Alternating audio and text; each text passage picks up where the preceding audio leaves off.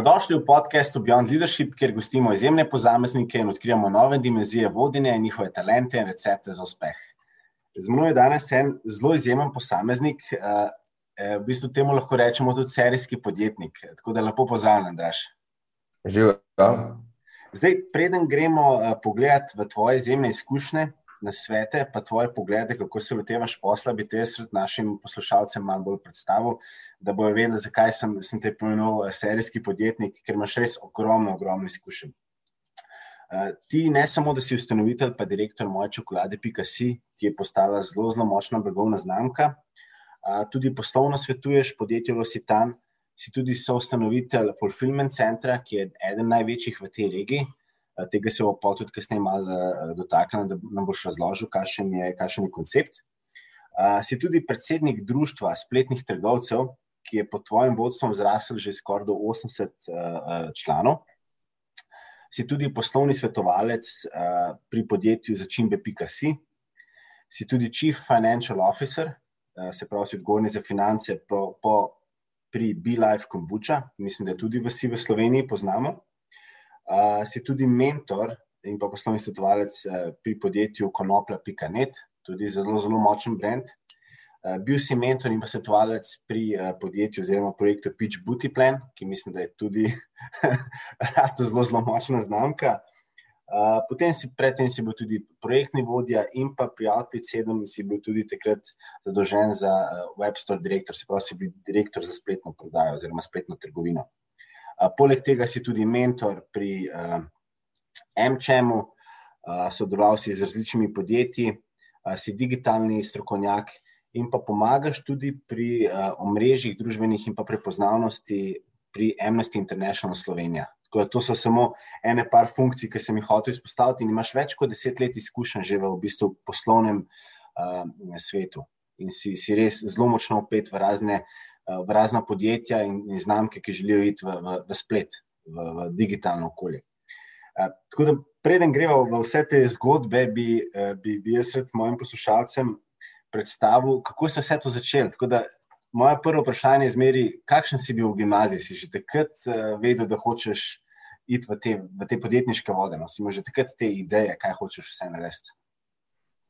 Ja, dobro vprašanje. Um, kar se tiče gimnazije, ja, mislim, mislim že zelo zgodaj bi začel s podjetništvom v družini, pa tako nimam nobenega, v bistvu, ki bi se s podjetništvom ukvarjal. Um, ampak nekako me je vedno privlačila ta svoboda uh, pri delu, in že, že zelo zgodaj sem, sem nekako imel, imel v glavi to, da. Um, v bistvu takrat sem imel v glavi to, da se pri 30-ih hočem upokojiti. Um, to, to mi zdaj še ni čisto rata, ampak mogoče kmalo. Um, ampak ja, mislim, želel sem si to svobodo. No? Ta, ta svoboda, v bistvu delo kjerkoli in kadarkoli. Uh, to sem imel dolg čas v, bistvu, v, v, v mislih, po glavi, to je bil moj cilj. No? Ja. Um, tako da, kar se tiče pa gimnazijskega. Um, v bistvu lifestyle, um, pa, pa me se je glih takrat v bistvu zgodila neka ta transformacija iz uh, zelo introvertiranega, um, bom rekel, dost, dost prvi v, v prvi vrsti, mislim, prvi v klopi in tako naprej. Do tega, da um, smo, smo ga zelo veliko uh, zunaj preživeli in nek ekstrovertiran uh, model po, po skoraj celi Ljubljani. Da, Networking. Um, ja, tam nekje v, tret, v tretjem letniku mislim, da se, da se je zgodil ta nek preporod. Da mi povej, toliko enih različnih funkcij in to so res blagovne znamke, od moje čokolade, pika si do kombuče, pomagaš pri Lositanu oziroma in svetuješ. Um, Da se malo dotaknem, kakšen je tvoj tipičen dan, kako se organiziraš, kako si ti v nedeljo postaviš cilje, si vsak dan za naslednji dan, da daj pričenjaš dneve, kdaj jih zaključiš. ja, mogoče sam, sam kot disclaimer, jaz sem še vseeno, full-time operation sem, sem na moji čokoladi, tako da moja čokolada je v bistvu moj, moj glavni fokus in v mhm. bistvu, uh, podjetje, ki mi, ki mi vzame, bom rekel, 90% časa. Um, vse ostalo, druge pa, ali sem so lastnik ali mentor, um, ki, ki pač nekako um, poveže tam, ki, ki, kjer podjetje potrebuje. Tako da vsako podjetje ima svojega direktorja, svojo ekipo, um, jaz pa v bistvu pomagam in povezujem tam, kjer je v bistvu potrebno. Um, tako da enako je v bistvu tudi s časom. No? V bistvu dejansko cilji so nastavljeni na nivoju, torej moji so na nivoju moje čokolade, um, potem se pa vsak direktor oziroma vsak vodja na, na posameznem podjetju ima pač svoje cilje in jih jaz poskušam pač dejansko priti blizu pomagati. Um, Dejansko, na, zdaj imam 12-13 let izkušenj v, v poslu, dejansko na e-commerce um, in food segmentu, Um, in stvari so dosti podobne. No? Um, ko si enkrat toliko časa v, v industriji, mislim, da v kjerkoli industriji, če se dosti uh, poglobiš vanjo, po desetih letih um, zelo dobro poznaš zakonitosti. Tako da um, so, so na sveti, ki jih daš, um, predvsej boljši kot pa pet let nazaj, pa, ko smo šele začeli. Deva, deva se dotakniti uh, moja čokolada. Uh, in je rad zelo, zelo močen brand, ki dejansko je že skoraj 11 let star. Tako da, da mi povej, kako si sploh prišel do ideje, do, do, do te, eh, da, da si dejansko si, si naredil zelo, zelo močen brand iz, iz nič. In zanima me, kaj, kaj, kako si sploh eh, prišel do take odlične ideje kaj, kaj se ti je takrat? Uh, Mislim, da ideja dejansko kot ideja je, ni bila tako zelo odlična. Tako da mi smo, mi smo štartali čist uh, iz agencijskega nivoja. Tako, takrat smo delali Facebook uh, oglase, Facebook uh, kampanje. Torej smo bili v bistvu klasična digitalna agencija takrat, uh, to je 12 let nazaj, um, kjer smo v bistvu delali social media presence za druga podjetja. Um, in vedno mi je šlo potem nekako, eh, sem razmišljal, kaj bi lahko jaz nekaj svojega naredil. Nisem želel v bistvu celo življenje. Gotovil sem, da ta agencijski model um, ni za me. Um, videl sem, da sem imel gosta Miha Lautarja. Um, mi, so dost, uh, časovno sva, sva zelo podobno uh, štartala, s tem, da on, on je ugotovil, da agencijski model ga zelo privlači in je agencijski model tisti, ki mu leži.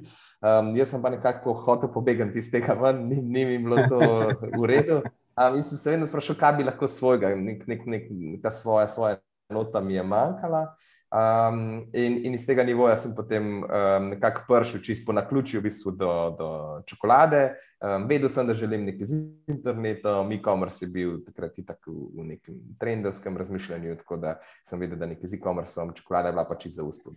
Pa smo se pa v bistvu kar borili. No. Osem let je bilo tako, kar neke take zelo počasne rasti, pa borbe, tam 15 do 25 odstotkov na leto uh, smo rastali. V bistvu, no, lani ne, smo lani nekje dejansko, to je po devetih, os, od, dobrih osmih letih nam je paratelj v bistvu tako, da smo, smo nanelali pa potvikali v bistvu neko zgodbo, res nek produkt market fit, tako da leto zdaj iz 650 tisoč evrov lani na 2 milijona letošnji plan. Tako da, ja top, malo. Um, Deva se še malo dotakniti. Um, zelo, zelo me zanima tvoje mnenje, ker si strokovnjak za, za spletne trgovine. Um, Kako se pa tebi zdi, da, da je dejansko pandemija to pospešila? Kaj, kaj si ti opazil pri vas, v vseh teh podjetjih, ker si zraven upleten? Kaj, kaj, se, kaj se dogaja? Pa kaj misliš, kakšni so, trendi, kakšni so še trendi za naprej? No? Ja, um, mislim, kdorkoli se ukvarja z e-commerceom, um, jaz mislim, da ne poznam niti enega, recimo, ki, ki bi z e-commerceom delal prej, recimo, pa bi v teh časih delal slabše. Tako da um, dejansko je pospešilo um, na vseh nivojih. No, na Fuliju, recimo, mogoče malo bolj to opazimo, ker še vseeno imamo 50 plus strank, je mogoče malo bolj širši, širši aspekt dobimo kaj se z e-commerceom dogaja v, v celi industriji. Ne bom rekel, mogoče čez celi, ampak z več različnimi nišami. Um, in ja, mislim, da samo ena stranka od 50, ki smo imeli, ki, ki, je, malen, ki je ostala na istem nivoju, medtem ko vse ostale so, so drastično poskočile. Um, tako da, ja, korona je definitivno prenesla to, da, da smo postali, mislim, da so tudi starejši mogoče začeli kupovati prek interneta, da se je malo razbila ta, um, ta del nakupovanja kupovanje s kartico, ker smo to videli, da v Ameriki zelo dobro funkcionira, pa kle še nismo bili izvajeni, pa mogoče kot spletne trgovine še nismo bili zihar, a, a čemo to zdaj kar kot default mode uh, nastaviti za plačilo s karticami, a še vedno plačilo po pozeti. Tako da, um, definitivno je pohitrila to digitalizacijo na splošno. Um, tako da v tem vidim velik plus, um, kar se pa tiče pač podjetja oziroma dejansko industrije, kot e-commerce um, na splošno, pa je tako, da je ta zadeva zdaj postaja če dalje bolj zasičena. Um, ker pač, ko, ko je trend gor, pomeni, da pač vlak drvi in vsi hoče skočiti gor, kar pomeni, da nekdo, ki, ki štarta zdaj, ki, ki želi skočiti na ta vlak, ima, predvsej večje težave kot pa nekdo, ki se je na tem že pel nekaj časa. Ne. Um, tako da, ja, mi smo imeli pač prednost, ker pač že precej časa delamo v tej industriji, in potem smo dosta enostavno, bom rekel, um, ne bom rekel, dosta enostavno, ampak bolj enostavno kot pa marsikdo, recimo, ko se še z e-commerce loteval, um, smo lahko v bistvu. Samo pospešimo, bolj, pa, pa izboljšamo procese. Ne? Ker vedno je optimizacija procesov, pa izboljšanje je veliko lažje, kot pa postavitev na novo. Um, in, in če se ti že marsikaj naučiš v preteklosti, in potem, ko, ko pride nek hype, nek, nek uh, nov impuls iz trga, um, pol na to skočiš. Um, in to je to. No.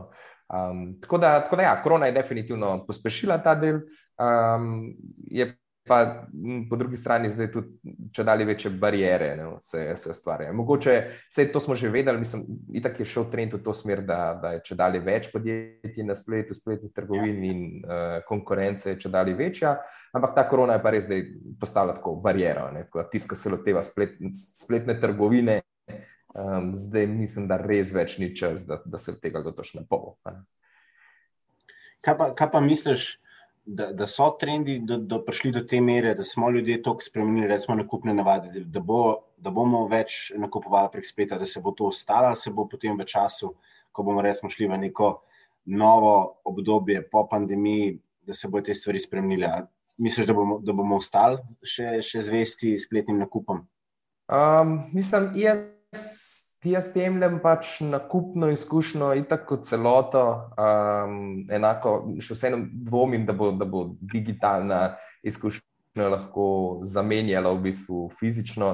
Tudi uh, številke, v bistvu, konc koncev, kljub temu, recimo, da, da internet blazno raste, moramo vedeti, da v celotni sliki, um, mislim, da je bila za Slovenijo zadnjič, da sem zasledil podatek iz 1,5 procenta vse potrošnje, v bistvu živili, recimo. Um, Torej, od celotne potrošnje živil, ki se um, kupi um, v Sloveniji, se samo 1,5% kupi preko spleta. To je bilo pred pandemijo, in um, v bistvu, tekom in po, je v bistvu zdaj smo šli na 4%.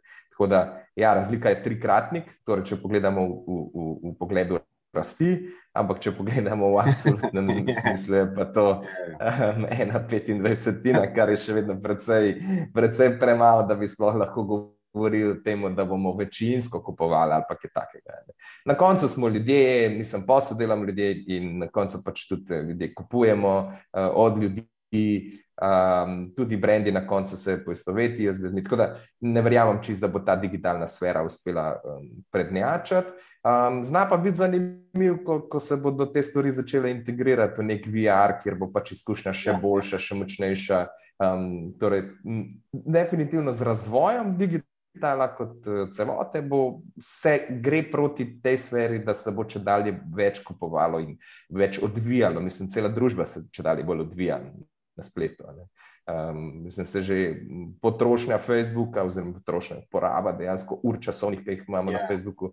Jaz se še spomnim, 11-12 let nazaj, ko smo začeli, mi smo Facebook eh, profile pa strani čekirali enkrat na teden. Ne? Um, zdaj na ne, pet minut. Deva se še dotakniti še druge uh, tvoje izjemne zgodbe in sicer Fulja, se pravi Fulfillment Center, ki je trenutno eden, uh, če rečemo, temu večjih v tej regiji. To pa je recimo zelo, zelo inovativna ideja. Tudi, kako si pa do tega prišel? Če nam razložiš, kaj to sploh je, da bodo naši poslušalci vedeli, uh, kaj sploh delate. Ja, mi smo v bistvu um, logisti, um, torej upravljamo v bistvu um, skladiščenje in pakiranje za spletne trgovine. Um, v praksi to pomeni, da v bistvu imamo en velik prostor, kjer imamo več uh, spletnih trgovin in ker delamo v bistvu izključno za spletne trgovce, pomeni, da smo specializirani za manjše pakete. Um, torej, večji, večji logist isti, kot so, uh, kot so v Sloveniji, ki jih poznamo, več ali manj se osredotočajo na paletna mesta, na večje, večje površine. Mi smo pa rekli, da je v internetu neka prihodnost in želimo v bistvu se specializirati za internet, da to neki paletni premiki ne bodo dovolj in da, da gre vse če dalje bolj proti paketom. In um, torej k manjšim, kuverte, paketi, k manjšim pošiljkam, in tukaj smo mi specialisti. Um, tako da, ja, mislim, mi, mi smo štartali v bistvu spet s Fuljem, bom rekel, dosta prav timing, ne dejansko pol leta pred, pred korono, um, kjer smo imeli čas se, se stvari naučiti. Um, zdaj, zdaj nam je pa korona tudi nam dala precejšen boost. Zdaj, bom rekel, da bolj našim strankam in posledično pa tudi nam. Ne. Mi imamo en tak. Um, bom rekel, precej dober poslovni model, ki v bistvu slonimo na, rast, na rasti naših strank, kar pomeni, da v bistvu je nam dejansko v velikem interesu, da podpiramo stranke, da stranke rastejo in posledično potem tudi mi. Um, in to je nek tak začaran v bistvu krok, kjer, kjer je v bistvu spirala navzgor. Um, torej, dokler bo e-commerce v trendu, um, je, je to to. Um, ja, fuli pa trenutno smo se spet mogli preseliti, tako da imamo nas te selitve v večje prostore. Nam časovno vzamejo čas. Ti, da mi dejansko povej, um, pravi, jaz imam recimo spletno trgovino, vi meni omogočite skladiščenje, plus dejansko, da potem eh, dostavite neko pošiljko um, mojim kupcem. Ja, mislim, naša glavna prednost je v tem, da, da smo fleksibilni, kar pomeni, da omogočamo praktično, um, ali imaš ti en paket na dan, ali enega na mesec, ali tisoč na mesec, um, mi nimamo nobenih um, izzivov. V skladišču so v bistvu zaposlenih 12 ljudi ta trenutek, kar pomeni, da v bistvu vedno lahko nekdo skoči in, in podela. Ne? Tudi če imaš ti ne vem, kakršno koli akcijo, če imaš sezonsko komponento. Um, torej, to je neka prednost, da, da se ti lahko brez mir, mislim, čist mirne vesti, se lahko ti um, širiš. Uh, ali pa užaš, torej pač ti, ti greš lahko v neke, v neke hard Tako reklamne akcije, uh, in kontra, ko ne potrebuješ eh, skladišča, spet začneš. Mislim, pri nas plačuješ na, na posamezen paket in na, na posamezen regal oziroma paleto, kar pomeni, da si popolnoma fleksibilen, neodvisen od tega, od velikosti samega skladišča. Um, tako da to je neka prednost, to je neka ta prednost ekonomije obsega z večjimi spletnimi trgovci. Enako je potem pri kartonskih škatlah, kjer pač mi dosegamo veliko boljše cene, kot bi jih ti, če bi sam kupoval. Um, enako pri pošiljanju v, v tuje države, mi predvsej pošiljamo v Poljska, Mačarska, Italija, Hrvaška. Tako da Evropa, brzo Slovenija, smo trenutno na 70-30, tako da dve tretjini v bistvu pošiljamo v Evropo. Tako da imamo wow. tudi tukaj predvsej boljše cene, kot bi ti direktno imel. Um, ekonomija obsega naredi pač tist, tisto razliko. Deva se še malo dotakniti um, toliko enih različnih vlog, ki so zelo pomembne. Ko ti sestavljaš, oziroma ko s partnerji sestavljate neko ekipo, ki bo potem prevzela to podjetje, tako kot si že rekel, da si ti pri kakšnih podjetjih bolj v vlogi lastnika oziroma soustanovitelja ali pa celo mentorja. Kaj je recimo te pomembno, ko zbiraš te pravo ekipo, če se imaš tega dotakneva? Kakšne lastnosti imaš? Ja. Um, Mogoče čisto, jaz nisem klasičen nek prevzemnik, recimo, niti nimam neke dolgoletne izkušnje s prevzemom podjetij, um, kaj šele večjih podjetij, tukaj še vseeno govorimo o nekih um, manjših ali pa začetnih, v začetni fazi, um, govorimo o sed, maksimalno sedemmestne številke o nekih deset milijonskih podjetij nimam izkušenj, tako da, da ne bo kdo slučajno na robu razumel, da, da zdaj prevzemamo ne vem kaj še podjetja. Um, ampak ja, če pa govorim čisto, eh, kar se ekipno, um, torej ponavadi gre za manjše ekipe, torej tam od tri do deset ljudi. Um, in predvsem je ta, um, torej nekako do nekih treh točk smo, smo prišli, ja, recimo sem prišel. Um, torej, ena je definitivno to, da nek track record že obstaja, torej nek, neka zgodovina, nek history, nek background. Um, to, to je definitivno prva stvar. Um, druga stvar je, je, nek, nek, nek cilj, neka želja, um, nek zelo konkreten cilj, ki, ki, ki se ga zasleduje.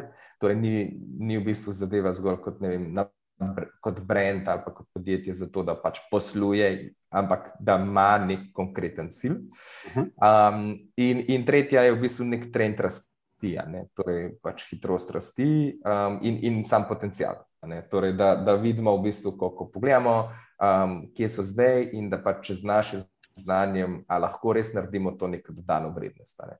Um, ker, ker primer, mi smo en primer, recimo, zdaj je bil taki, um, ki so fanti že zelo dobro vedeli, kaj morajo narediti, um, in potem v bistvu neke dodane vrednosti pri nas, uh, nič imajo že vse pokrito. Ne? Ponavadi se pa dogaja to, da ko je hitrejša kot je rast, teže je obvladljivo vse skupaj. Um, pa v bistvu, ko, ko nekdo gre čez neke izkušnje, je definitivno lažje. Sem, nekdo samo pogleda nazaj in reče: Poglej, kje so bile napake. Ne? Tako da um, pri sebi vidim ostale podjetja, ki so jih našteli, v bistvu, so, v bistvu nekako sledijo poti moje čokolade, če pogledam po neki rasti, kar pomeni, da um, nekdo, ki je eno leto ali pa dve leti zatem um, sem jaz to pot že prehodil um, in, in vem, kakšni so izzivi in težave, ki, ki nekdo pride. In če preventivno v bistvu veš, kaj bi se lahko potencialno zgodil, um, ne rabaš spet čez isto stran, kot si že. Absolutno pomaga. Um, Deva se še malo dotakniti. Eh, ti si tudi v večjih vlogah um, kot mentor oziroma poslovni svetovalec. Uh, tudi jaz sem in se mi zdi to zelo um, zelo dobro področje. In tudi jaz imam ogromen mentorjev, ki meni pomagajo, da mi svetujo. Um, kako pa ti na, na tvoji poti, si imel tudi, tudi kakšno osebo, ki ti je te zaznamovala, ali pa ti je bila kot mentor, ali pa ti še danes pomaga, pa svetuje, pa se obrneš uh, na njo oziroma na njega? Um, ja, mm, nisem jaz to jemljem. Ker kot, um, ja, lahko rečem, da je mentor, lahko rečem, kot, um, kot v bistvu že na pol frendi, pol postanemo, Um, definitivno pa nek, nek, neka poslovna pomoč. Um, ja, mentor si lahko marsikdo drugače zlaga. Pa, m, tudi ne poznam čisto razlike med coachom in mentorjem, to so te novodobni izrazi. Tako. Um, tako da, ja, um, tako kot v bistvu na, na, vseh, na vseh področjih, um, je fino imeti nekoga, ki, ki je pač kakšno pot že dal skozi. Um, jaz, recimo, ta trenutek imam, um, se veliko učim, recimo, um, z Jakom Žukovcem, malo recimo enkrat na teden uh, mite, kjer je v bistvu popolno postavo že um, pri 30 ljudeh, z ekipo 30 ljudi, že dal mogoče malenkost, uh, ima več izkušenj. Um, nismo pa spet tako daleč. Um, tako da to je mogoče nek, neka pomembna stvar, um, ki jaz opažam pri nekih. Um, pogovorih ali pa pri mitih, uh, ki jih imam z svojimi mentori, recimo, uh, je ta, da, da nisi, nisi zelo daleč. Ne? Ker če recimo, bi se jaz pogovarjal z nekom, ki ima ne vem, 500 zaposlenih ali pa neko korporacijo vodil, mislim, seveda sem se že, ne? ampak um, prvič, vest ni taka, kot je, drugič, problemi so, so čist drugačni.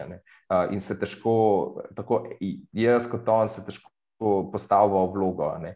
Tudi če on to že prehodil, je prehodil vem, deset let nazaj in se težko spominja, kaj, kaj sploh je, svet se je vmes malo spremenil. Um, ja, nekdo pa, ki je to mogoče dal leto, dve, tri, recimo nazaj, je pa to dosti lažje. Um, tako da, um, definitivno je, torej, da te izkušnje naredijo svoje. Um, vidim pa, da je full lep meč takrat, ko, ko je v bistvu. Um, po, po, ko, ko je podoben izziv na nekem drugem področju, uh, ga je nekdo že rešil, recimo s hiringom. Um, zdaj imam jaz največ, bom rekel, izzivov pri tem, kako v hitrem času povečati ekipo in kako držati culture fit. Um, in tako naprej, in marsikdo je to, to že naredil v, v hitrem času. Tako da, um, Jaka Lindič, recimo, mi je fantastičen mentor, um, katerega se učim, pa smo skupaj, recimo, pri začimbah. Um, ja.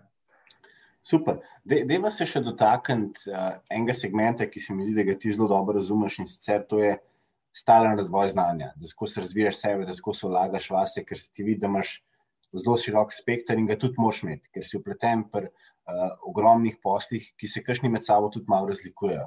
In jaz sem tudi oseba, ki, ki se zaveda, da je treba res skozi vlagati vase, ker se časi tu hitro spreminjajo. In ti imaš ogromno nekih certifikatov, Pa me zanima, kako pa danes ti recimo še poskrbiš, za, uh, da, da si skozi na tekočem, kaj se dogaja s trendi. A so to kakšni podcasti, so to knjige, so to kakšne uh, licence, tečaji. Kaj počneš, da, da si na tekočem? Ja, podcasti so mi zelo fajn, tako da to moram priznati, da to mi je v bistvu še najljubša oblika konzumacije vsebine in kot neko izobraževanje. Um, tako da, ful podpiram to, kar, kar ti počneš in na, na tak način je meni fantastično, še posebej, ker zelo rad hodim v hribe um, in dejansko potem podcaste poslušam vmes, ko, ko, ko švicam. Um, tako da to mi je fantastično. Um, zdaj, začel sem mogoče malo manj res gledati neke, neke, neke tečaje, ki, ki sem jih včasih tudi, če je stvar res kakšne certifikate, mislim, da že predvsej časa se nisem česa tazga bolj konkretnega, poglobljenega lotu. Um, mogoče tudi dejstvo, ker um, nekako, um, ko, ko rasteš, ko, ko širiš ekipo, um, v bistvu iz specialista prehajaš v bistvu v nek vodstven kader, v nekega generalista in na koncu koncev pač mor, imaš, imaš ekipo za to, ne pač imaš strokovnjake na tem področju, ki, ki, ki so veliko boljši. Um, tako da jaz sem že opazil, recimo pri, pri zadnji zaposleni, uh, že pri moji čokoladi, kako je v, v enem mesecu um, prehitela me znanje. Ne. Torej, ko nekdo definitivno pač prišla je iz, že iz kar nekaj izkušenj um, in potem potrebuje samo par tednov v bistvu, da adaptira um, zgodbo in da, da dojame, kaj je koncept tega podjetja in blagovne znamke. Um, potem pa nekdo s specialističnim znanjem, ki dejansko zelo specializirano delo, eno zadevo zadnjih sedem let, jaz sem jo pa, um, bom rekel, komi po vohu, ne, ker ne moreš vsega delati. Um, potem vidiš, da v bistvu ni potrebe, potem, oziroma ne, da ni potrebe. Želel bi si mogoče kdaj, da bi bolj razumel. Ampak je dejstvo, da, da moraš zaupati pač ljudem. Zato imaš pač ekipo, da se nasloniš na njih in da jim verjameš, da bodo oni naredili najboljše. Ne? In da oni verjamejo te. Mislim, to je na koncu to je stvar zaupanja. Se, se čest strinjam in se zelo lepo napeljal tudi na moje naslednje vprašanje, ki se malo dotika, če rečemo temu, mogoče sodobnega vodje oziroma vodje prihodnosti, kako koli doskrat izpostavljamo, ker se mi zdi zelo pomembno, da je ta, ta mera zaupanja, da ni toliko eh, mikromanežiranja. Um, pa me zanima, kakšen je tvoj pogled, kaj, kaj se tebi zdi, da so recimo tvoje dobre nasnosti in kaj, kaj bi mogel imeti nek vodja, ki je v, v teh časih, kjer je digitalizacija zelo hitra, kjer je ogromen, to se hitro vse dogaja. Ljudje imamo ogromno nekih skrbi, izzivov. COVID je prišel, ogromno je treba novega zaupanja spostaviti, uh, pomiriti zaposlene. Da, kaj bi rekel, da so tvoje lastnosti, pa lastnosti mogoče vodje prihodnosti? No? Kaj, kaj je zelo pomembno, da ima danes nek vodja? Um, ja, jaz sem mogoče malenkost preveč uh, ali pa bolj, bolj uh, v, v tehnico remote vodenja, uh, kar pomeni, da dam velik poudarek na, na v bistvu samo inicijativnosti in, in dejansko zaupanju um, svojim zaposlenim. Um, tako da, um, jaz že v bistvu bom rekel, na remotu smo mi že kar precej časa, tako da to, kot je v bistvu, ko je COVID prišel za nas, ni bilo bistvenih sprememb um, razen neke upeljave, v bistvu praktično v logistiki oziroma v skladišču, ampak Office in, in ostali del um, je ostal v bistvu nespremenjen. Tako da um, nismo remote, um, remote first, zdaj koliko časa bo to zdržalo, oziroma na kateri točki bo, bo zaradi števila ljudi to postalo um, težavno, ne vem. Um, lahko bi v bistvu sklepal, da, da na neki točki definitivno bo, bo remote uh, težek, uh, bo postal obremenjujoč, ampak uh, do takrat pa v bistvu vidim, da, da vsaj do nekih 50 ljudi bi, bi remote v bistvu mogel zdržati uh, kot, kot v bistvu bo boljši, boljša funkcija kot pa, kot pa Office. Včasih je malo težje, zato ker smo ljudje navajeni na Office, tako da smo, zdaj sem gotovo, da smo že nekaj kadrov izgubili zaradi tega, ker pač niso prišli, um, ne da je kdo šel od nas, ampak da, da niso prišli, ker, ker, na, ker bi raje delali v Officeu, ampak po drugi strani dobimo pa, dobimo pa ljudi, ki, ki jim je remote zelo blizu. Kot glavna lastnost v bistvu. Vodenje, oziroma kaj je pomembno pri tem, se mi zdi predvsem ta mera, mera zaupanja. Um, to, to, je, to je definitivno številka ena. Tako da jaz sem tudi sam kar nekaj časa rabo, da, da pa še vedno, mislim, da včasih malo, malo prime, da bi kaj pogledal, pa kaj po mikromenedžiral, ampak moram pa zavestno prijeti. Ne, zato imaš ljudi, mislim, če ne. Tako da. Um, Pre, preden kliknem kaj preveč na, na, na računalniku, grem raje in spred, da rečem, ok, vse je v redu. In pa na koncu vidiš, da je res vse v redu, da, pač, da, da nekdo, ki mogoče kakšne stvari ni, ni naredil točno tako takrat ima nek razlog za sabo. Um, na koncu smo ljudje. Ne, pač, um, je pa res, da so tu časi so taki, ko več nekih skrbi, stresa. Um, in posledično to se pozna tudi uh, na, na, na službi, ne glede na to, kje si, ali si remote ali pisarna, kakorkoli. Kar se tiče pa prav vodenja, vodenja, pa jaz mislim, da je glavna stvar je torej ta zaupanje, in druga stvar je zelo točno, jasno defini, definirane um, v bistvu mi imamo KPI-je um, na posamezno delovno mesto. Torej, da vsak točno ve, um, kje je, kaj mora narediti in pa, in pa kako se ga ocenjuje. Um, mi, recimo, zdaj zadnje čase se ukvarjamo predvsem to, kako objektivno postaviti KPI, da v bistvu da moja beseda ne bo imela čisto nič teže pri tem, aj delo upravljeno dobro, slabo, kakorkoli. Da, da bo to nekako povedal trg, kupci in, um, in vsi ostali dejavniki. Da, da, v bistvu, da, da moj položaj v podjetju um, ne bo čisto nič, um, bom rekel, direktorski, ampak bolj na način pomoči um, doseganja KPI-ja posameznem zaposlenemu. Um, tako da na ta način v bistvu jaz gledam cel, celo strukturo. Wow, super, super. Zelo, zelo mi je všeč razmišljanje. Dejansko res trg pove, pa, pa vaši kupci, uh, koliko so zadovoljni. Moro, super. Um, si, ho, si hotel še kaj dodati? Ja, ja, hotel sem mogoče samo to reči, um, da, da je zelo zanimivo, recimo, kako se potem oddelki drug drugega pač suportirajo. Ne? Ker ponavadi. Um, nikoli nimaš tako, da, je, um, da vsi hkrati isto performajo. Ponovadi pač en oddelek povleče um, na katerem koli nivoju, in potem drugi pač oddelki um, v bistvu ga, ga, ga suportirajo. Um, in, in na ta način, recimo, um, recimo zdaj opažam, da, da zelo dobro funkcioniramo, glih, glih na ta način, glih s tem nivojem, da trg in kupci in vsi drugi v bistvu povejo, kaj moramo delati, ne, ne pa sploh mi. Mi, mi smo, kot da smo eni služabniki trga. No. Um, mi, mi samo suportamo. Mislim, če dalje manj res delamo neke te, um, te naše, naše vizije, naše posege. Ampak se, um, imamo malo ta ameriški mindset, da je kupec kralj in se v bistvu veliko naslanjamo na trg. Ja. Deva se dotakniti, če prej si zelo pomenil, da ste vi že dejansko že zelo napredni v tem, ker ste bili že kar nekaj časa pred korono v, v tem work from home, uh, um, uh, v tem elementu. Tako da mi povej, kako je pa težko potem ohraniti nek culture feed, da se ljudje dejansko še zmeraj, um, da imate neke ne vem, zabavne stvari, da, da se še bolj povezujete. A ste imeli pa kakšne, ne vem, uh, team building prek, prek teh orodij, kot je Zoom, Skype, kako, kako držiš pa to kulturo?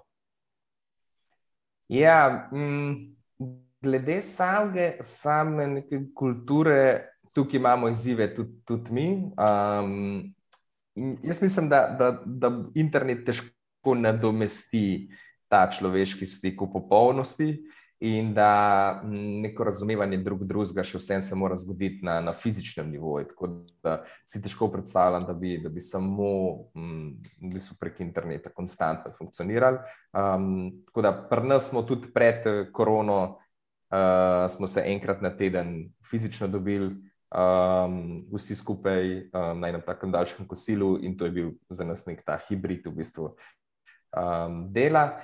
Um, zdaj, recimo, v teh časih, pa, pa trenutno furamo samo remote, nimamo team buildingov, čakamo, da se ki odpre. Um, ampak, definitivno, mislim, brez fizičnega stika na long term si, si težko predstavljamo. Um, tako da jaz mislim, da bomo štirikrat do šestkrat na leto bomo zihar uvedeli um, take mehne team buildinge. Ne. Torej, govoriva o, o nekih uh, podaljšanih, nekih četrtkih in petkih, free, kjer bomo petek iz, izkoristili bolj za druženje kot za delo. Um, tako da v bistvu prineseš ta človeški stik, ki ga v ofisu recimo porabiš za ne vem, kavice, pa cigarete, pa neke malce, recimo. Um, potem si rečeš, se, če, če so ljudje tako bolj efektivni v bistvu uh, skozi teden, zakaj pa ne bi res recimo, enkrat na mesec, enega celega dneva, kar čist freemail. Um, tako da je, ni, ni, ni pa to čist za vsega. Mogoče marsikdo rabi, um, mogoče predvsem v teh starejših, nek, neko rutino, rabi konstantno, um, brez nekih stresnih dejavnikov. Um, tako da to je malo um, mal testira, včasih vrže kakšne take stvari. No? Um, ampak tak, tak, tak moraš biti tudi kot oseba, se ne zdi, da um, se je potrebno prilagajati. No? Um, tako kot podjetje, se moraš prilagajati tudi kot oseba. Ti, a pa ti, ki si v teh, um, ki si res v, v različnih vlogah, kot, kot mentor, poslovni svetovalec, pa si strokovnjak za uh, postane spletnih trgovin. Um, a opaziš, da ta podjetja, ki jim pomagaš, uh, pa tudi v društvu uh, spletnih trgovcev, da, se, da imajo iste izzive, da so to pač izzivi, da ne znajo postati trgovine, ali so to bolj izzivi, da ne morejo shendlati, ker je tako vprašanje, imajo kakšne skupne točke, kaj kaj ti opažaš? Da so mogoče te pain pointi? Mm, zelo različno. Um, dejansko zelo različno, ker se tudi ljudje lotevajo poslov zelo različno. Um, zelo odvisno je to v zvezi, odvisno od lastnika oziroma direktorja podjetja. Um, in um, jaz opažam, da nekako sta dva ali pa tri, recimo, načini um, e-commerce na, sploš, na splošno, oziroma vodenje. Eni so tisti, ki, ki na svet, oziroma na celo industrijo, gledajo izrazito skozi marketinških oči. Torej, marketing je tisto gonilo, vse moramo delati, da je tja, in vse ostalo bo že prišlo. Um, in enako pomeni tudi uh, pomembnost kadra na tem področju, in tako naprej. Um, Medtem, ko recimo kdo gre prvo na supply chain, ne? torej najprej na logistiko, Aha. na proizvodni del. Um, in v zadnjem času, recimo, zdaj opažam, se verjetno je tudi zaradi korone kot take, um, je kar nekaj v bistvu, uh, podjetij v bistvu iz supply chaina, iz proizvodnega dela, je, je prišlo na splet. Um, torej, mi, recimo, pri moji čokoladi smo v bistvu digitalna ekipa, ki s proizvodnjo v bistvu praktično do, do lani. Ani nismo imeli prav zelo velik stika, ne. potem, seveda, pač te obseg posla uh, pripravi do tega, da greš tudi v to bolj konkretno z veliko žlico, bom rekel. Ampak, um, torej, mi smo neka digitalna ekipa, medtem ko marsikajšno podjetje po bistvu je prihajalo iz proizvodnega podjetja in potem šlo na e-commerce in to vidi tudi kot um, podaljšano roko obstoječim uh, poslom. Tako da um, zelo odvisno od tega, iz kaj izhajaš, in jaz zelo podpiram to, da ni tega enotnega vidika, kako na e-commerce pristopiti. Um, ampak je pomemb, predvsem pomembno to, kje v verigi ti daješ največjo dodano vrednost. Um, Marsikdo daje to dodano vrednost um, prav na internetu, um, za nekimi izobraževalnimi vsebinami, um, za neko celostno pojavo, brendom in tako naprej. Um, Medtem ko nekdo drugi da pa podarek na, na izdelku, na, na samem produktu, na experiencu, ko produkt dobiš in se ne ukvarja z, z nekimi um, s celofanom okrog. No. Mm. Um, tako da, zdaj, kaj je bolj pomembno, oziroma kaj, kaj bi bil večji, večji trigger. Ja, na koncu je tako boje, ampak vsak, vsak podjetje, vsak brand ima svoj, svojo identiteto. Ja. Deva zdaj še, se še dotakniti, uh, ti si predsednik Društva spletnih trgovcev. Pa če nam malo poveš, kaj dejansko se potem, eh, kaj dejansko dela to društvo, um, imate kakšne tudi, je to tudi uh, iz poslovnih razlogov, da nam malo pišno, kaj kaj počnete.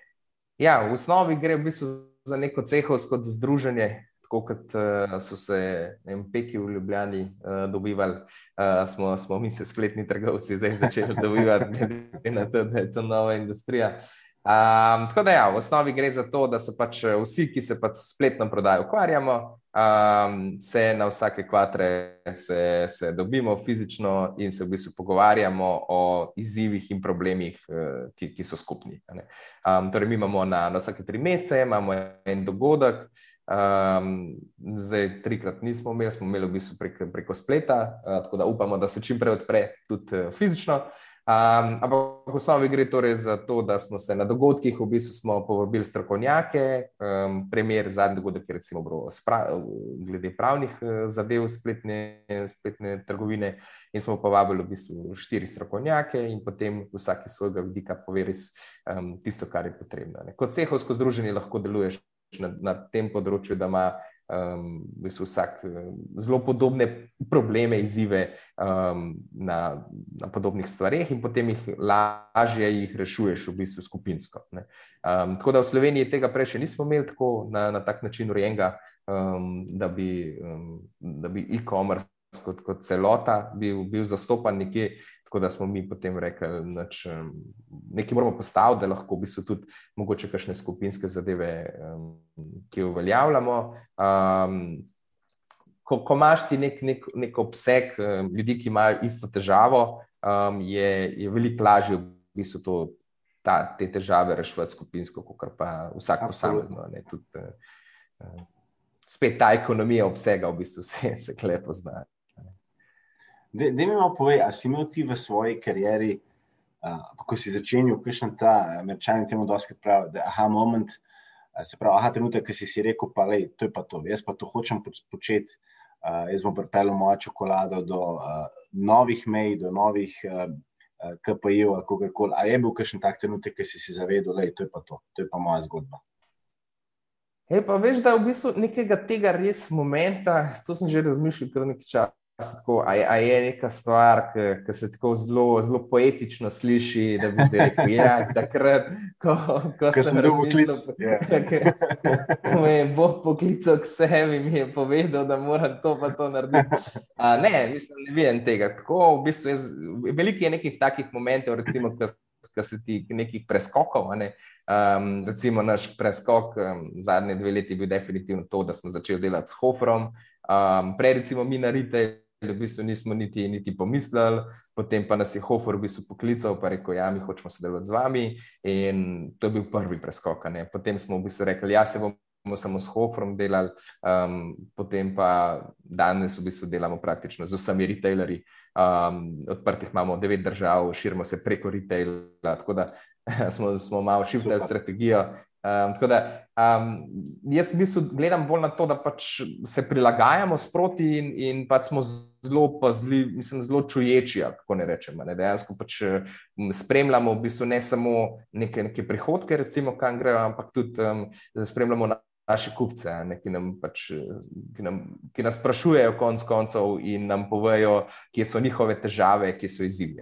Mi smo z retaili v bistvu začeli delati uh, izključno zaradi tega, ker smo imeli dovolj dobro postavljen brand preko spleta in so nas začeli sprašovati po fizičnih trgovinah, ne, torej, kje jaz, da imajo težavo v bistvu kupiti na danes, takoj, kje lahko to kupijo. Ne, prek spleta tega, te za, ta zadnja ja. milja v Sloveniji še ni tako razširjena in nismo mogli um, tega, tega se lotiti, tako da smo vedeli, da retail je naslednji, zdaj kako se tega lotiti, pa noben ima izkušenja. Um, ehm, danes, recimo, zdaj delamo 60 10% prihodkov preko retaila, medtem ko tri leta nazaj je bil ta odstotek ničen. Um, tako da, katerega, kakšen aha, moment, dejansko ga nimam, umestnih preskokov je bilo pa kar precej. No, jaz, jaz velikrat pač um, rečem predvsem to, da cilji so fino, ne, dokler ne pride kakšna, kakšna sprememba. Ne. Spremembe so pa lahko ali v plus ali v minus. Um, in fino se je čim prej odzvati na to. Um, prej, ki jih zaznaš, um, boljše je, in manjše kot je podjetje, več imaš teh informacij, hitreje se lahko obrneš. Um, ja. Mi je pa zanimivo res to, kako včasih ne razumemo čist dobro teh um, dinozavrov, kot rečemo, pa mastodontov. Um, ampak jaz, jaz že recimo zdaj v procesu. Um, vem, zadnjih, recimo, pet let neke transformacije z nekaj res manjšega, malega podjetja v malo večje, vidim, kako ratuje zadeva bolj okorna. Pa smo, pa smo tako zelo lean, pa smo zelo remote, pa zelo napredni, bom rekel, glede vodenja. Yeah. Ja. Pa, pa vidim, da določene odločitve zdaj terjajo nekaj dni, ne? kaj je bilo prej tako dva klika stran. Um, ampak ja, tako da si predstavljam, da v podjetju, ki imaš par sto, par tisoč zaposlenih, to, da, da, da pride nekaj sprememba, to traja full časa. Ne? Tako da pač moj nasvet je vedno tisti, da, da se proba pač manjše kot je podjetje, hitreje hitrej se mora in hitreje se lahko obrne. Um, te priložnosti so, so včasih zelo instantne. Um, tako da to. Hvala. Dejva se še malo dotakniti. Eh, doskrat, ko gledamo neko osebo, pa nek eh, recimo, digitalni odtis ali pa LinkedIn, vidimo, da si zelo uspešen ogromno imaš neki, nekih funkcij, eh, zelo to izpeva. Ne vidimo pa teh v bistvu od zadnjih teh izzivov, ki so se dogajali, da si do tega prišel. Tako da bi te prosil, če se malo dotaknemo tudi teh v bistvu izzivov, če nam malo pišeš, kaj se je kje dogaja. Ker se, kot sem rekel, danes vidimo, si uh, ustanovitelj oziroma lastnik moje čokolade, si so ustanovitelj Fulja, enega najbolj raztočih fulfillment centrov, si v različnih mentorskih vlogah. Uh, ne vidimo pa tega, da si ti dejansko ogromno krat predvidevam, imel neprespane noči, ogromno nekih skrbi, ogromno nekih izzivov se je pojavilo. Tako da bi te še to prosil, da se še malo tega dotaknemo. Kakšni so bili kakšni izzivi na poti, ki bi jih lahko delil? Mislim, eno dejstvo je definitivno to, da to, kar si naštel, so zdaj uspešni projekti. Uh, pa, pa, pa še drug nivo, eno kupico neuspešnih v tem času. Um, tako da um, večkrat, kot probaš katero koli stvar, več imaš možnosti, da ena izmed teh stvari uspe. Um, to, to je nek, neko, neko, neko že skoraj splošno znano dejstvo. Um, druga, druga stvar je tudi ta, da um, sem, sem bil vedno sam pristaš bolj tega, da delam tisto stvar, ki me veseli, da provam iti pač v smer tega, da, da mi zadeva ne predstavlja prevelik odpor. Um, torej, da tudi, ko pride nek izziv, kakršen koli že to je, uh, ponavadi pride zato, ker si naredil napačne odločitve v preteklosti in pol jih moraš korigirati in popravljati. Um, in ko pride do tega, pač, da ne rečeš, ah, fakit, pač jaz zdaj to ne zmorem čestne lase, vi, ni, ni mi ok, ampak da stisneš zobe in rečeš, vem, zakaj to delam. Um, to je ena stvar. Um, druga stvar je pa, pa tudi ta, da v bistvu z leti v bistvu dobiš tudi izkušnje, in um, ko kar nam z leti pada IQ, um, nam veliko hitreje v bistvu raste ta, ta pot izkušenj oziroma ta krivulja. Um, in na koncu, v bistvu, ko se te stvari seštejejo, v bistvu nek, nek know-how, ki si ga dubu.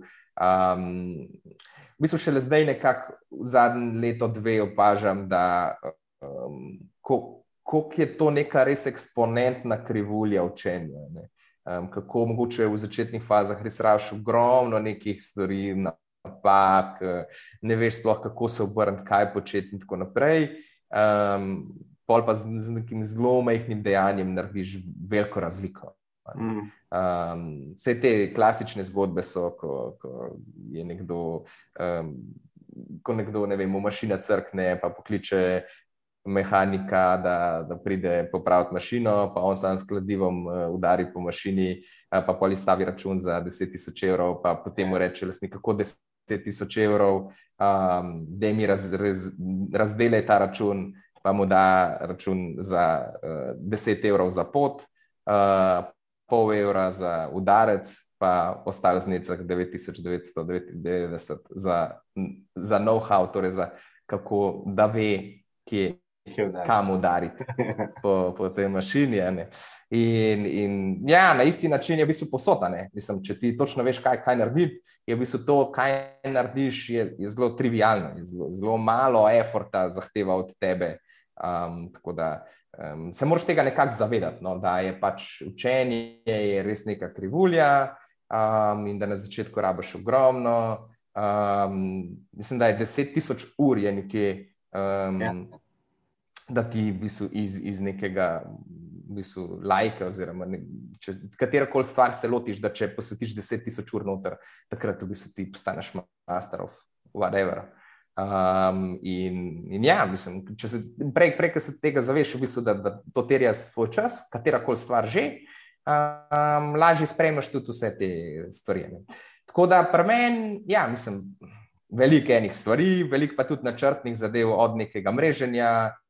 Um, in, in to, da si pozoren v bistvu na, na veliko stvari, torej, da si pozoren predvsem na to, kje so neki challenge, kje ima kdo mogoče kakšen challenge, ki mu ga pomagaš, kdaj rešiti, pa kdaj komu narediš kakšno uslugo, čist for free, pa ti jo pol nazaj vrne. Um, pa jaz velikrat to delam, čist nezavedno. Ampak, um, pol, če, če sem kdaj, recimo, malo za nazaj pogledam, tako mogoče to res neka stvar, ki sem marsikomu sem kdaj naredil kakšne usluge, čist banalne. Na začetku je to tako.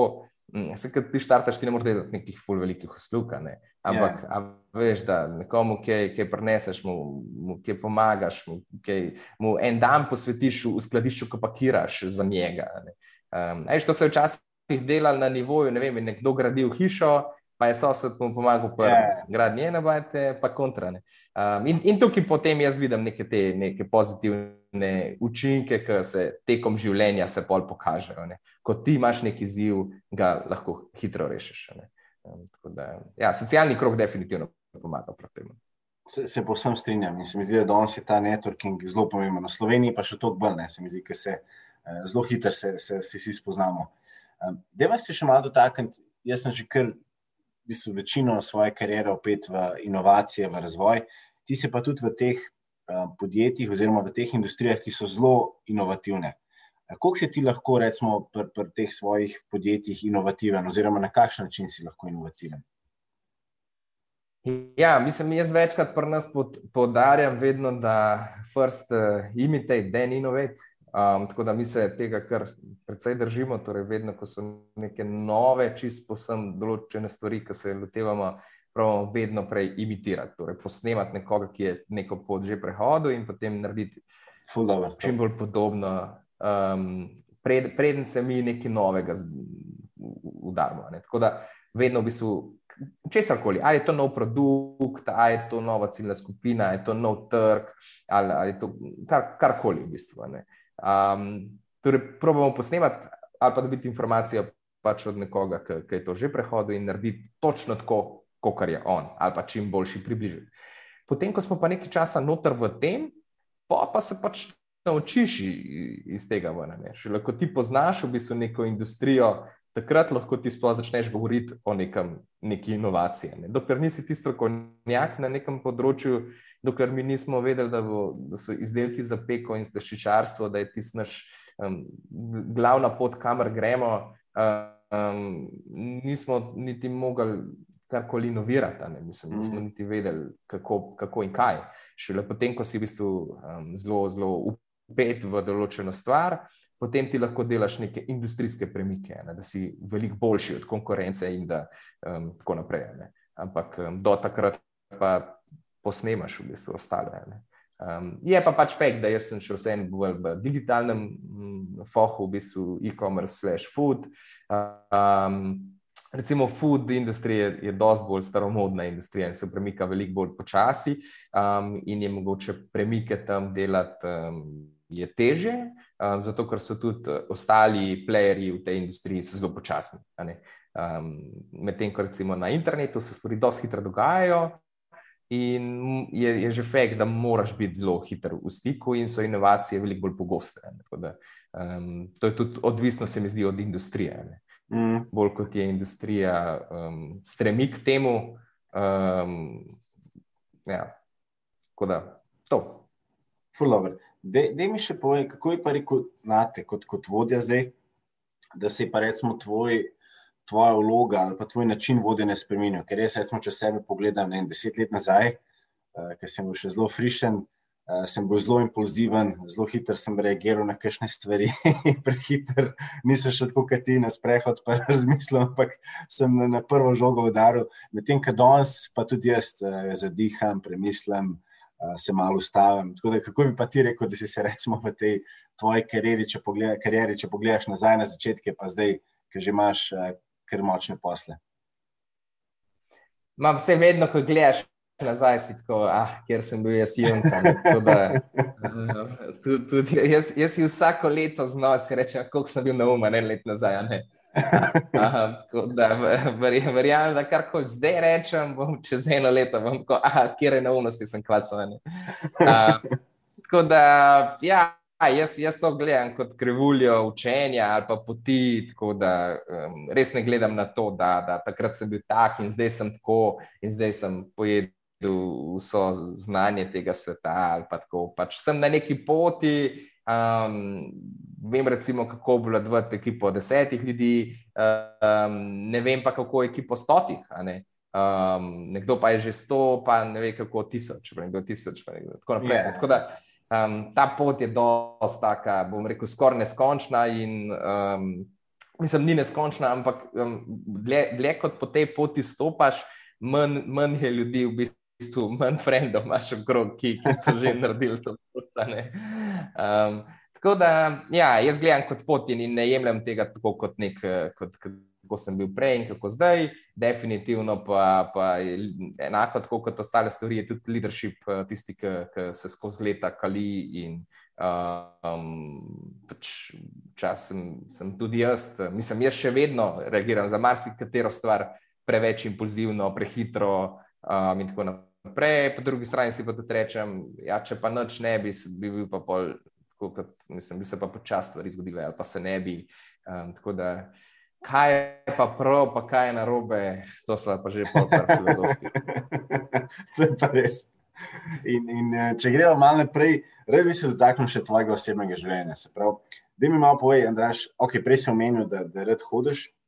Kaj pa recimo še kaj počneš, da, da se sproščaš, da, da, da se odklopiš, da narediš ta stres, uh, management ali kako koli temu pravimo? Kaj še kaj red počneš?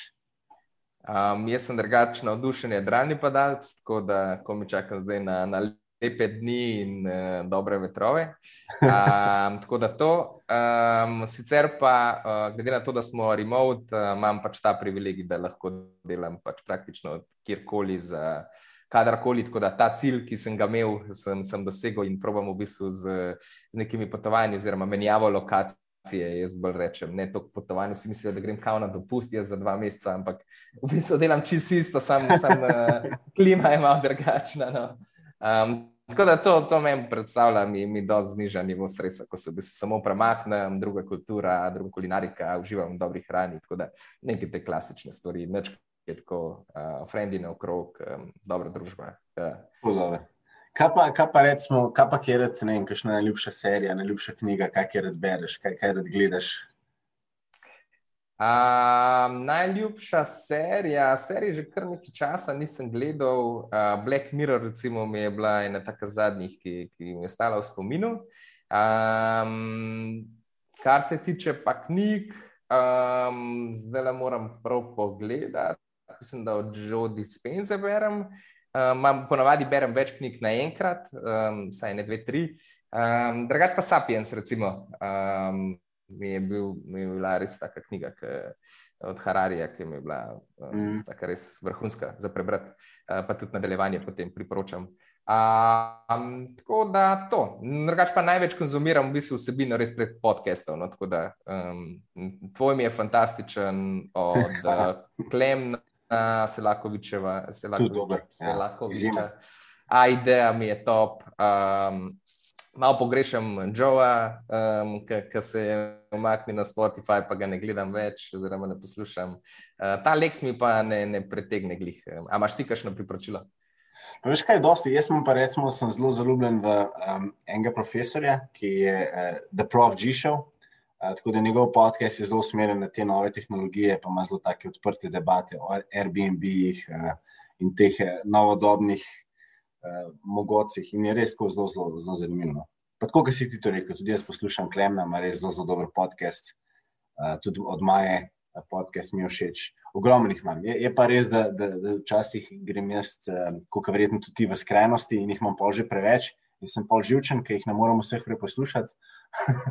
tako da jih provam, samo ene par izbretno. ja, ja, no, um, tale prav, že šel sem si zapisal, ampak ja, mislim, mislim, jaz, jaz imam zelo tak tik, ta zero inbox, uh, stres, ko da če mi kaj povzroča stres, preveč mailov. Ja. Ej, da mi še povej, ker smo pri tem, kje je pa aplikacija. Vem, da si omenil, da še Zem ti je, ti je ena ljubših. Kaj pa še kakšna aplikacija, ki jo rad uporabiš? Um, bom zdaj prav na telefon pogledal, um, da ti povem. Recimo, Scannable mi je full praktična um, za, za skeniranje. Um, zadnje čase sem malo gledal tale Clubhouse, pa se ne morem odločiti, ali je to zanimivo ali ne. Jaz tudi ne. um, tako da imam malo mešane, mešane občutke. Uh, Splitwise, recimo, mi je the best um, za, recimo, za kakšne stvari. Um, kaj imamo še kaj, recimo mi, itak, če recimo se poslovnega dotaknemo, mi največ uporabljamo Slack, pa mhm. HubSpot, um, Redboot. Um, to je pa to, no? prav veliko Apple tudi nimam, um, Google Maps in to je to. Picture this, mogoče je zanimiva za, za rastline, tako da včasih, ko hodim, kaj pofotkaš v bistvu rastlino, pa ti pove, kaj, kaj to je za ene rastline in pol, pol, pol si kaj imaš več znanja o rastlinah. Ja. Tako malo zabavno. Fulover. Andraš, peva zdaj še na, na, na najno um, glavno oziroma zaključno vprašanje, ker imaš res toliko znanja, toliko izkušenj, bi te prosil, če, imaš, če deliš z nami neko, uh, nek nauk ali pa zaključno misel. Zdaj imamo že kar lepo število poslušalcev. Med njimi je tudi ogromen, že izkušenih podjetnikov, direktorjev, tudi predsednikov, prav, po drugi strani imamo pa tudi ogromno študentov, Eh, pa, pa mladih, ki šele začenjajo poslovno pot? Ok, to so vedno ta nehvaležna vprašanja. Um, meni se zdi, da je ključno, m, nisem težko je govoriti na splošno, jaz to zelo nerad govorim na splošno, ker je zelo težko, ne veš čisto komu to govoriš, v kateri fazi je in tako naprej. Ampak recimo, če bi mogel, recimo, ene, dve, dve zadevi, ki bi za na koncu. Um, ena je ta, da vsako stvar jaz vedno probam pogledati iz vidika pozitive, oziroma dobrega. Ne glede na to, kaj se zgodi, se probam preleviti v to, da, da je to za nekaj dobro, kot neka izkušnja, kot neko um, kar, karkoli, zakaj bi to lahko bilo dobro, in potem gledam iz vidika, da to, karkoli se je zgodilo, da to je dobro, in se sprašujem, zakaj je to dobro. Um, malo se odmaknem iz tega, da je to da je objektivno, in pogledam samo pluse in probujem mm, odmisliti. Super. Um, to je ena stvar. Um, druga stvar je pa ta, da se mogoče osebno, um, se jaz bi mogoče malo bolj priporočal, da se včasih, zdaj spet odvisno kdo, ker m, mm, težko je govoriti na splošno, ampak mislim, da večina ljudi je bolj usmerjena uh, k ciljem, um, in ne toliko na, na pot oziroma na experience, in da smo premalo pozorni na posamezne trenutke. Um, na, na, na dan, na trenutek, na, na, na trenutek v dnevu. Um, in, da, in da smo, smo samo hvaležni za to, kar, kar imamo in kar, kar se je zgodilo.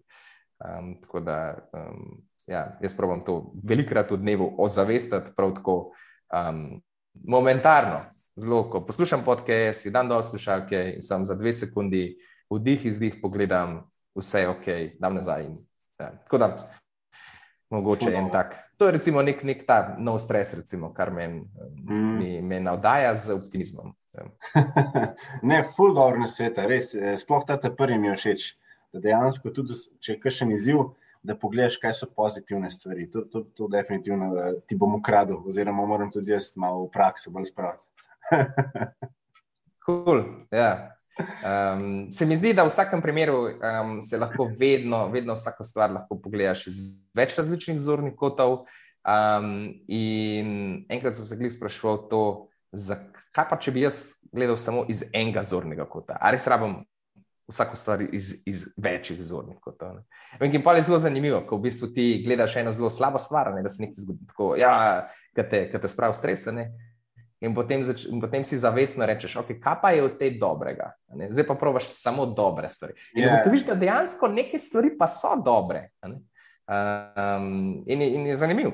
Pač tak zanimiv eksperiment, ki ga lahko narediš na kjerkoli stvari. Ko te bo naslednjič, recimo, kjer je tako, zakaj pa je to ne bi bilo tako, pa kaj ti kdo reče, probi, probi zavestno se, se samo o, o dobrih stvarih vprašati. Yeah. Ja, tako hudo. hudo. V glavnem, dragi poslušalci, z nami je bil uh, izjemen Andraš Gaves, ki je ustanovitelj in lasnik uh, čokola, moje čokolade.ca. Uh, je serijski podjetnik, ker ima res ogromno izkušen mentor, tudi strokovnjak za spletno trgovino. In pa moram reči, da ena izmed oseb, ki verjamem in sem 100% obričen, da ima v Sloveniji glede spletne trgovine postavljeno vseh teh stvari največ znanja. Tako da, Andraš, najlepša hvala za, za tvoje izkušnje, poglede. Jaz, jaz sem zelo užival in vem, da naši poslušalci se bodo tudi veliko naučili. Tebi, ti pa kar nadaljuj tako naprej. hvala, Andraš.